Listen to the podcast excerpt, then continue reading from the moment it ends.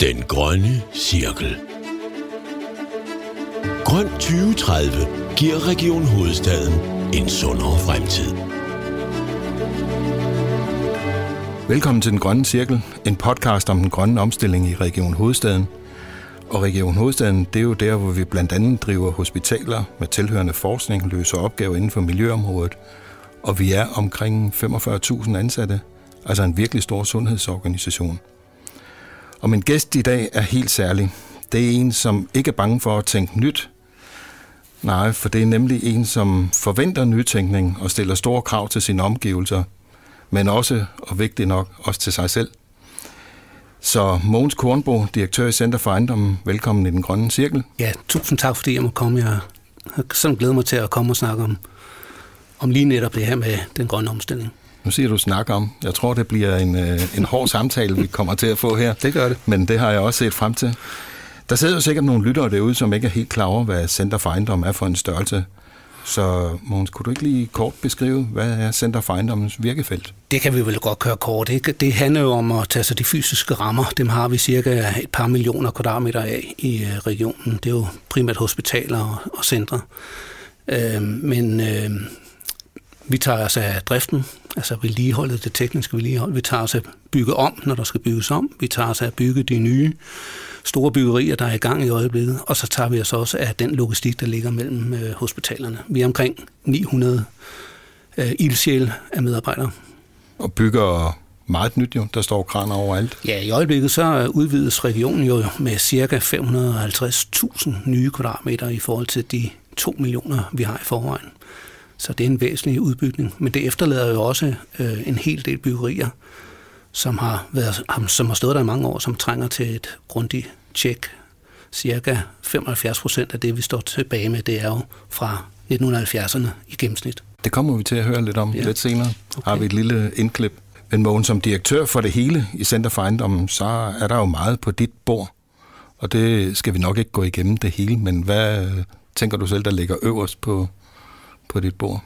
Ja, det kommer jo lidt an på, øh, hvad du spørger om. Hvis du spørger om, hvad der, hvad der rører sig lige nu, ikke, så er det jo øh, den her økonomiaftale, der lige kom på plads, øh, økonomiaftalen for 23 med regionerne og staten, og, og den, øh, den lidt strammer en af slagsen, må man sige, øh, som gør, at vi skal virkelig tænke os øh, godt om, hvordan vi både bruger pengene i driften, men også der på anlægssiden, hvor, hvor vi bygger. Og i, i den sammenhæng, vi skal snakke i dag, Grøn 2030, så vil det helt sikkert også være ekstra udfordrende for os at have lidt strammere budget, end, end vi havde, måske havde håbet på. Men nu ligger det der. Jamen, Center for Ejendom er jo, er jo enormt stor. Altså både i antal medarbejdere, men også i den økonomi, der knytter sig til det, og den indflydelse, man har på hverdagen for rigtig, rigtig mange mennesker, hvor der bliver skabt fysiske rammer. Øhm, hvordan passer den grønne indstilling, eller omstilling ind i, ind i, ind i det arbejde? Jeg tror faktisk, begge dele passer meget godt, både indstilling og omstillingen. Men altså, jeg vil sige, at øh, da du inviterede mig herind, så tænker jeg lige, øh, hvis jeg nu har siddet for 10 år siden og tænkt, vil jeg nogensinde komme til at stå midt i så central en rolle, som, som vi gør med Center for Ejendom i den grønne omstilling i Region Hovedstaden, så tror jeg ikke, jeg havde forestillet mig det. Altså, når jeg kigger på... Øh, jeg, jeg tror, jeg, jeg bliver en lille smule ydmyg, når jeg kigger på den der kæmpe opgave, der Altså, øh, hvis man siger ordet bæredygtighed, det er enormt bredt. Øh, hvis vi begynder at snakke om det, man kalder scope 3, altså de indirekte afledte fodaftryk fra det, vi gør, det, vi køber ind, det, vi bygger, så kan jeg godt lige blive en smule stakkerende også. Ikke? Jeg tænker, det, er en, det er en kæmpe opgave. Jeg synes om, at vi sidder et enormt spændende sted, hvor vi virkelig kan være med til at gøre en forskel, og gøre en forskel med, med Center for Ejendommen. Men det, jeg godt kunne tænke mig at høre, det er, om du kan mærke hos dine direktørkolleger, både indenfor i Region Hovedstaden og også udenfor, om det er noget, der også fylder hos dem? Ja, det synes jeg i den grad. Altså, det der grønne klæde på bordet, det er der hele tiden. Det grønne klæde, når vi øh, træffer ledelsesbeslutninger, der er, der er hele tiden det grønne islet, og nogle gange er det faktisk det, der går forrest også i vores dialog. Jeg, jeg synes egentlig, at at når jeg snakker med mine hospitalsdirektørkollegaer for eksempel, så kan jeg mærke, at rigtig meget af det, som de går og taler om ude i hospitalet, det lever jo også i deres hjerte. Og når det lever i deres hjerte, så lever det også ind i ledelsesrummet. Og så kommer det også ind at leve i, i vores ledelsesrum. Og det er jo klart, når man, når man også, som vi bygger rigtig meget og, og snakker med omverdenen, altså uden for regionen, øh, møder andre ledelser derude, så er bæredygtighed bare på dagsordenen, det må man sige. Den grønne cirkel. Grøn 2030 giver Region Hovedstaden en sundere fremtid. Lad os prøve at dykke ned i nogle af de initiativer, vi arbejder med. Og i en øh, tidligere episode, jeg tror det var nummer 5, der havde vi visdirektør for logistik Thomas Bøgeskov inde og talte blandt andet om øh, møbelgenbrugsplatformen, som blev lanceret for ikke så lang tid siden, og allerede inden for den første måned havde omsat for en million kroner. Det vil sige, at det er en besparelse i indkøb, og så er det faktisk også, at man reducerer et, øh, et affaldsaftryk. Så det er jo godt både for økonomien og for, for klimaet. Og vi har jo selv i Center for Ejendommen, der hvor vi flyttede ud på stationsalene, også arbejdet med genbrug af materialer.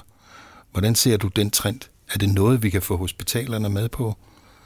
Eller er der barriere i det her? Jeg tror ikke, der er mange barriere. Altså når vi kigger på, som du selv var inde på, at øh, din første måned omsætter for en million kroner, og nu er det jo vel at mærke ikke møbler, der sælges til nypriser, så 1 million kroner er altså ganske, ganske godt gået. Det er en million besparet, men en ting er pengene, så er der vores CO2-aftryk bag ved det. Alt det indirekte fodaftryk, som vi ikke får genskabt ved at skulle producere nye møbler, det er jo øh, en rigtig, rigtig stor succes. Og jeg, jeg hæfter mig ved flere ting. En ting er, at øh, en million, men det må jo også betyde, at, at øh, der er en ægte interesse ude på hospitalerne til at tænke den her øh, grønne vej at gå. Og genbruge møbler, som I er 100% ok, og så sætte den øh, til ny anvendelse, det er fantastisk. Og så opdagede jeg, at, øh, at telefonen ringede, og så var det kommunerne, der havde læst i avisen, at regionen var i gang med det her projekt, og så spørger øh, vores kommune, jamen kan vi ikke få lov at være med? Det er jo et fantastisk godt projekt, vi har også masser af møbler til at genbruge, så kunne vi ikke slå sammen. Og så er der alle mulige, der tænker, øh, kan man det, og juridiske ting, men selvfølgelig kan man det. Og det er da også et tegn på, at det her med øh, at tænke grønt, når vi arbejder, og når vi, øh, når vi disponerer nye møbler, jamen det ligger i vores DNA allerede. Ja, og det er meget tydeligt, når vi taler med folk, at øh, det her med at være grøn, det handler også om, at det skal være let. Og det er måske det, man løser med den møbelplatform her. Nu bliver det let at få noget brugt, hvor det tidligere, der var det faktisk lettere at bare bestille på kataloget og købe noget nyt. Jeg kalder det grøn notching. Altså det der med, at man, det er ligesom når vi kommer ned i, uh, i supermarkedet, ikke? Uh, så er det jo næsten ikke til at undgå at købe noget økologisk, fordi det ligger altså som det første, man støder ind i. Mm. Og på samme måde kan vi jo gøre det her, øh, finde øh, de grønne initiativer frem, som vel at mærke jo både gavner økonomien, men også vores CO2-aftryk, og så lad det være nemt at komme til. Og der synes jeg, at vores genbrugslærer, det er et fantastisk godt eksempel på det. Noget vi også taler en hel del om, og som jeg ved, vi begge to brænder rigtig meget for, det er jo energieffektivisering. Og så er vi jo oppe i helt stor skala, når vi taler om det program, vi har kørende frem mod 2025. Ja, jeg, jeg tror, vi kan sige, det hedder jo et ESCO-projekt, altså et energirenoveringsprojekt. Øh, det er formentlig Danmarks største igangværende ESCO-projekt, og virkelig ambitiøst. Og det, der er spændende ved det, er jo, på mange punkter, så hjælper det ikke bare økonomien, men også vores CO2-aftryk, men det hjælper faktisk også på det her forhold med, at vores hospitaler generelt er øh, aldrende. Altså de fleste hospitaler er 40 år plus gamle, og det vil sige, at de trænger til at få skiftet deres øh, tekniske inventar ud. Så vi får øh, slået rigtig mange fluer øh, med et smæk. Det nærmeste kinder ikke, ikke? Så vi sparer øh, noget udgift til energi, altså noget økonomi. Vi får lettet vores CO2-aftryk ganske betragteligt, og så får vi løftet vores tilstandsgrad af vores eksisterende bygningsmasse. Og det er hårdt tiltrængt. Jeg synes, det er et rigtig godt projekt. Men det er jo heller ikke ukompliceret, så lad os lige dykke ned i det. Fordi sådan et projekt, det, det er jo ikke gratis. Hvis vi investerer op for en milliard, så skal vi jo efterfinde, efterfølgende finde øh, de penge som besparelser i vores forsyningsbudget. Ja, nu kan du klippe det her ud, men det har du jo lovet mig sker. det er jo ja, rigtigt, ja. altså de her store energirenoveringsprojekter, og sådan bør vi nok tænke, i, ikke kun inden for energirenovering, men også bygningsrenovering. Men på et eller andet tidspunkt skal den her regning betales tilbage. Det er jo sådan, at vi er ude at låne en milliard kroner, øh, og den måde, vi betaler det tilbage på, det er, at vores energiregning den bliver mindre, fordi det er mere energieffektivt, og så kan vi betale den her milliard kroner tilbage. Men det fordrer jo, at vi har fuldstændig styr på, hvad det er, vi gør, og at vi rent faktisk kommer til at spare de her penge. Og det er i hvert fald en dialog, vi har haft øh, ganske betragteligt. Jeg er også optaget i øjeblikket, at, at måske kan man bruge den her model også på andre dele, fordi det er jo ikke kun vores tekniske dele af vores bygninger, der er slidte. Hele vores bygningsmasse, altså inventar, men også indretninger og sengestuer osv., trænger til et gevaldigt øh, løft. Og hvis staten øh, går og mangler en god idé til, hvordan man kan gøre det, så synes jeg, man skal kigge lidt på den her ESCO-model, hvor man jo faktisk har en låneadgang, og, øh, på den måde øh, får adgang til at løfte øh, kvaliteten og tilstandsgraden af sine bygninger. Så det kunne være, at man kunne kopiere modellen andre steder også. Ja, der demonstrerer du jo lige den her nytænkning, som jeg indledt med. Øh, bliv endelig ved med det. Grøn 2030 Vi har jo allerede nu øh, afsluttet det første projekt, et øh, køleprojekt på Rigshospital, og det var bare for ikke at ligge ud i lille skala i starten af 21. Der var et meget gammelt anlæg, hvor vi så erstatter det med, øh, med fire nye kølemaskiner og varmepumper osv. Der ligger så beregnet, og det er det, vi så skal leve op til på sigt jo, en besparelse på 11 millioner kilowatt-timer årligt og en CO2-besparelse på 650 ton. Men succesen er jo først rigtig hjemme, når vi så efterviser de 11 millioner kilowatt-timer besparelse. Det er det, der bliver vigtigt her. Hmm. Det andet mål, vi har om CO2, 70 øh, procent i 2025, hmm. altså reduktion i forhold til 2013, det ser ganske fornuftigt ud. Det skal vi nok nå. Ja. Og og det skal vi jo ikke mindst på grund af vores egen indsats, men, men selvfølgelig også andres indsats. Jeg mener at kunne huske, at sundhedsvæsenet står for cirka 6% af udledningen i Danmark, sådan cirka. Det vil med andre ord sige, at vi står også i Region Hovedstaden med at, at kunne gøre en kæmpe forskel. Men hvis det kun er 5%, vi har mål på lige nu, så er der jo 95% i det, der hedder scope 3, altså de indirekte udledninger fra indkøb vores byggerier som vi stadigvæk skal sætte mål på. Jeg ved godt, at der er en lang, øh, der er en lang stor rejse foran os der med dels at finde målemetoden, så man kan måle det nøjagtigt og så videre, gøre det op. Men det bliver da uhyre spændende at se, hvordan vi får taget hul på den del også. Men det er jo de svære ting. Det er jo der, hvor vi også kommer ud i klinikken på hospitalerne, som vi siger, øh, og skal ændre både i forbrug og adfærd osv. så Øh, Øh, og, og hvis vi bevæger os lidt over i, i affaldsområdet, som er et, vi også har kigget på i, i lang tid, og er kommet langt i stor skala, men også langt fra i mål i forhold til vores 2025-mål, så har vi øh, et lille klip. Det er øh, Katarina Abelgaard, der er intensivsygeplejerske på Rigshospitalet, og hun tog mig på en tur, hvor vi talte om rigtig mange ting, om hvordan man kunne spare på CO2-aftrykket, og det var også mindsket medicinforbrug. Men jeg faldt faktisk lige over, at hun også taler noget om indretning og nybyggeri.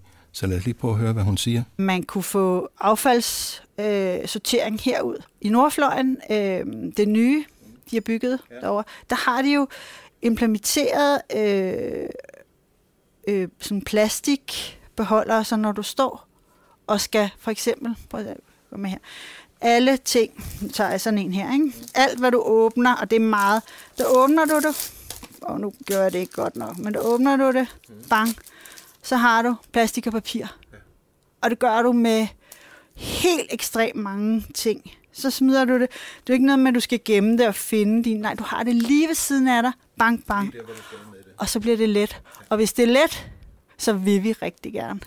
Når vi siger omkring Center for Ejendom den foretrykkende samarbejdspartner, så handler det også om at facilitere de muligheder, som der bliver efterspurgt her. Hvad tænker du om det? Jeg hæftede mig ved, at øh, hun siger, hvis det er let, så vil vi rigtig gerne. Og det var måske det, vi skulle skrive allerøverst på vores øh, to-do-liste eller øh, designliste, når vi designer vores nye bygninger eller vores eksisterende bygninger, designer dem om. Øh, netop at gøre det nemt men jeg tænker også, at man nogle gange skal tænke ud af boksen for at finde ud af, om man i det hele taget har det rigtige setup. Og jeg kunne stadigvæk godt være lidt i tvivl om, om det er rigtigt at have 12 affaldsspande stående på en afdeling, hvor man så kan forsøge at, at lægge fraktionerne rigtigt på plads. Om det er den rigtige måde at bruge tiden på. Altså dels er der ikke plads til 12 affaldsspande alle steder for, for at være helt konkret. Men måske kunne det også være sådan, at øh, man sorterede øh, i lidt grovere fraktioner, og så endte man et eller andet mere centralt sted med at finsortere det. Jeg ved det ikke, men det er i hvert fald rigtigt, at det der med at gøre det let, så vil vi gerne. Det var en god overskrift, og den vil jeg da notere mig. Grøn omstilling til næste emne. Og det er jo her, hvor vi så kan åbne op. Du er jo ikke kun øh, direktør for Center for Ejendom, du er jo også øh, formand for styregruppen Grøn 2030. Og det er jo der, hvor vi har alle initiativerne, som vi har været igennem. Noget med, med øh, transport og energi og affald og grønne indkøb, som du nævner her nu. Og så er der flere ting på vej. Øh, det, der skal løse nogle af de her problemstillinger med forbruget i klinikken, men også øh, det bæredygtige byggeri. Og inden vi kommer til det, kan du så ikke lige sige lidt om øh, sådan Grøn 2030 styregruppen og, og dine opgaver som formand for den? Altså Grøn 2030 styregruppen, den består jo en række øh, grønne ildsjæle, både fra hospitalsverden og fra øh, vores, nogle af vores centre. Øh, og fælles for dem alle sammen er vel, at det er virkelig nogen, der brænder for at gøre en forskel. Og det kan jeg mærke. Øh, er ikke særlig svært at være formand i sådan en styregruppe, fordi øh, der er så meget energi inde i det rum, at det måske nogle gange er svært at få sorteret fra, end at forvalte de øh, tiltag, der skal i gang. Men jeg, men jeg ser vores rolle i øh, styregruppen for Grøn 2030 sådan, at øh, det må handle om at facilitere et spilrum for, for de gode idéer, vores medarbejdere har. Altså den innovation, vi gerne vil have sker derude, den er der. Øh, der er rigtig mange gode idéer at vi kunne facilitere et sted, hvor at, øh, at de der idéer kunne komme op, og man kunne få svar for, øh, for sine idéer. Øh, og nogle af dem kunne endda blive til noget, og nogle af dem kunne endda skaleres op, så det faktisk kunne fungere i hele regionen. Øh, det må være en opgave, vi har på os i, i Grøn 2030. Så er det noget med, øh, og det siger jeg jo ikke mindst i lyset af økonomiaftalen for 2023, som, som blev øh, relativt stram, så er det også noget med at øh, organisere til vejbring de ressourcer, der er nødvendige det er ikke alt øh, inden for en grønne omstilling, der er fuldstændig gratis at gå i gang med. Noget af det kan også øh, initialt koste en investering eller nogle penge der. Så hvad, hvordan prioriterer vi der? Øh, og så er der noget med at tage de der dilemma-diskussioner, der jo også er. Altså, øh, når man skal vælge, om vi har råd til et eller andet grønt initiativ, så vælger man jo samtidig måske noget andet fra. Og de der dilemmaer har også været øh, rigtig interessante det er en del af vores verden, øh, det her med det grønne omstilling. Og jeg, jeg var lige inde igen og kigge på den der øh, Earth Overshoot Day, altså som, den kan godt få øh, sveden til at, at perle lidt på min pande, ikke? fordi hvis vi kigger på, på 2021, så ramte vi den dato den 29. juli som verden, på verdensplan. Den 29. juli, så har vi brugt flere ressourcer i 2021, end jorden kan nå at generere, regenerere på et år den 29. juni. I Danmark der var den dato 26. marts. Allerede den 26. marts har danskerne brugt flere ressourcer, end jorden kan nå at regenerere på et år. Og bare for at sige, at vi kan gøre en forskel der, så kan man kigge lidt ind i 2020, hvor vi jo havde øh, øh, covid, øh, der virkelig florerede. Og der var det interessant at se, at lige præcis det år, der, der var Earth Overshoot Day, den var forlænget med tre uger. Så det skete først hen i august. Så det har altså en kæmpe betydning, det her. Og så er vi lidt tilbage til, at det giver fuldstændig mening for mig, at vi er i gang med den her opgave, selvom den er stakåndet stor. Vågen som virkelig store bygherre, mange kvadratmeter på vejen, var det 500.000, du sagde? Nye ja. kvadratmeter, så bygger vi meget. Og det kan vi jo faktisk også se i vores øh, klimaregnskab. 22 procent. Fylder det af regionens samlede. Så nu må vi jo tage vores egen medicin. Hvor er, hvor er vi henne med det bæredygtige byggeri? Vi er nok ikke så langt, som jeg gerne vil være, men vi er dog, øh, vi er dog på vej. Øh, du har ret i, at det fylder umiddelbart 22 procent. at byggeriet har bare et kæmpe potentiale. Øhm, det er jo dels den måde, vi bruger vores eksisterende bygningsmasse på, altså genbruge den i stedet for at rive den ned. Flytter rigtig meget af vores CO2-regnstykke, men i øvrigt også i vores økonomi. Øh, men byggeri også, har også et kæmpe potentiale på en anden måde, øh, fordi vi siger, at når noget koster et at bygge, så koster det seks at drive i penge. Øh, men det gør det selvfølgelig også i CO2. Så det betyder rigtig meget for os, hvordan vi får designet vores byggerier fra starten af. Og øh, der kunne jeg da også godt tænke mig, at man overvejede, om ikke vi snart får en, øh, nogle tilbudslister, som er, har to kolonner, nemlig en med penge i, men øh, den anden med, med et CO2-aftryk i. Så vi har den dobbelte bundlinje, so to speak. Jeg tror, at vi er mange, der er interesseret for det her. Og en ting er, at økonomien er interessant, men det er jo også interessant øh, bæredygtighedsmæssigt, også når vi snakker indeklima, arbejdsmiljø, at vi får lavet de rigtige løsninger. Og sådan som udbudsmodellerne i dag er skruet sammen, så er det jo meget økonomi, altså anlægsøkonomi. Hvad koster det her nu at bygge, frem for hvad koster det egentlig i sin levetid bagefter?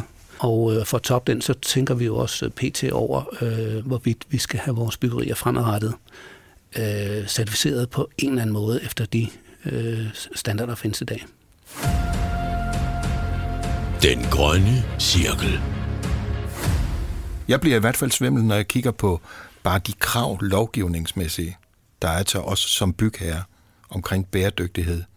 Den frivillige bæredygtighedsklasse, der ikke længere er frivillige, og en masse andre ting, der kommer. Men vi er jo ikke alene om det her. Heldigvis er der jo et marked, der skal være med til at løse det her. Mm. Vi skal jo ikke løse det her ned på produktniveau. Så der er noget, også noget med at forstå, hvad er vores rolle i det her. Men som bygherre, der tror jeg, vi er nødt til at sige, at vi kommer til at stille kravene. Vi kommer til at stille kravene om, hvad det er for nogle, hvordan fremtidens byggeri skal se ud. Og det er altså lige fra den måde, vi designer på, den måde, vi finder driften på, men det er jo også materialevalget. Og, og for nylig er det begyndt at blive interessant også at kigge ind i arbejde med trækonstruktioner for eksempel.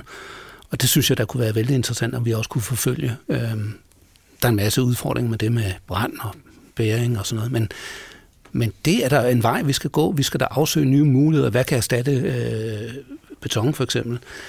Hvordan kan vi genbruge vores øh, byggematerialer, hvis der er noget, der skal rives ned, osv. osv. Og det interessante er, at når jeg snakker med markedet, så er de helt med på, at det er også den vej, vi, vi er på vej hen imod. Og de vil jo også gerne de her partnerskaber, hvor de kommer tidligt ind og med til at bruge deres viden til at øh, designe vores byggerier rigtigt. Mogens, den, den mest bæredygtige energi, det er jo den, man ikke bruger. Men hvis man prøver at tage det, øh, det tankesæt over i byggeriet, så vil det jo være de mest bæredygtige kvadratmeter, det er dem, vi ikke bygger. Center for ejendom, hvad er Center for ejendommens rolle i øh, at finde ud af, hvad, hvad skal der bygges? Kan vi overhovedet undgå at bygge? Ja, det er jo en god pointe, Heine, at det, man ikke bygger, det bruger heller ikke så meget energi.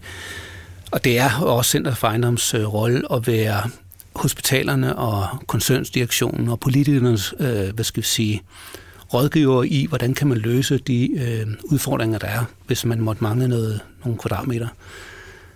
Jeg tror, jeg tror man sige, at, at svaret på noget af det, du spørger om, det er nok de her folk, der sidder og arbejder med de her store generalplaner, som ligesom svarer på, hvordan fremtidens hospital kan være inde i den bygningsmasse, vi har.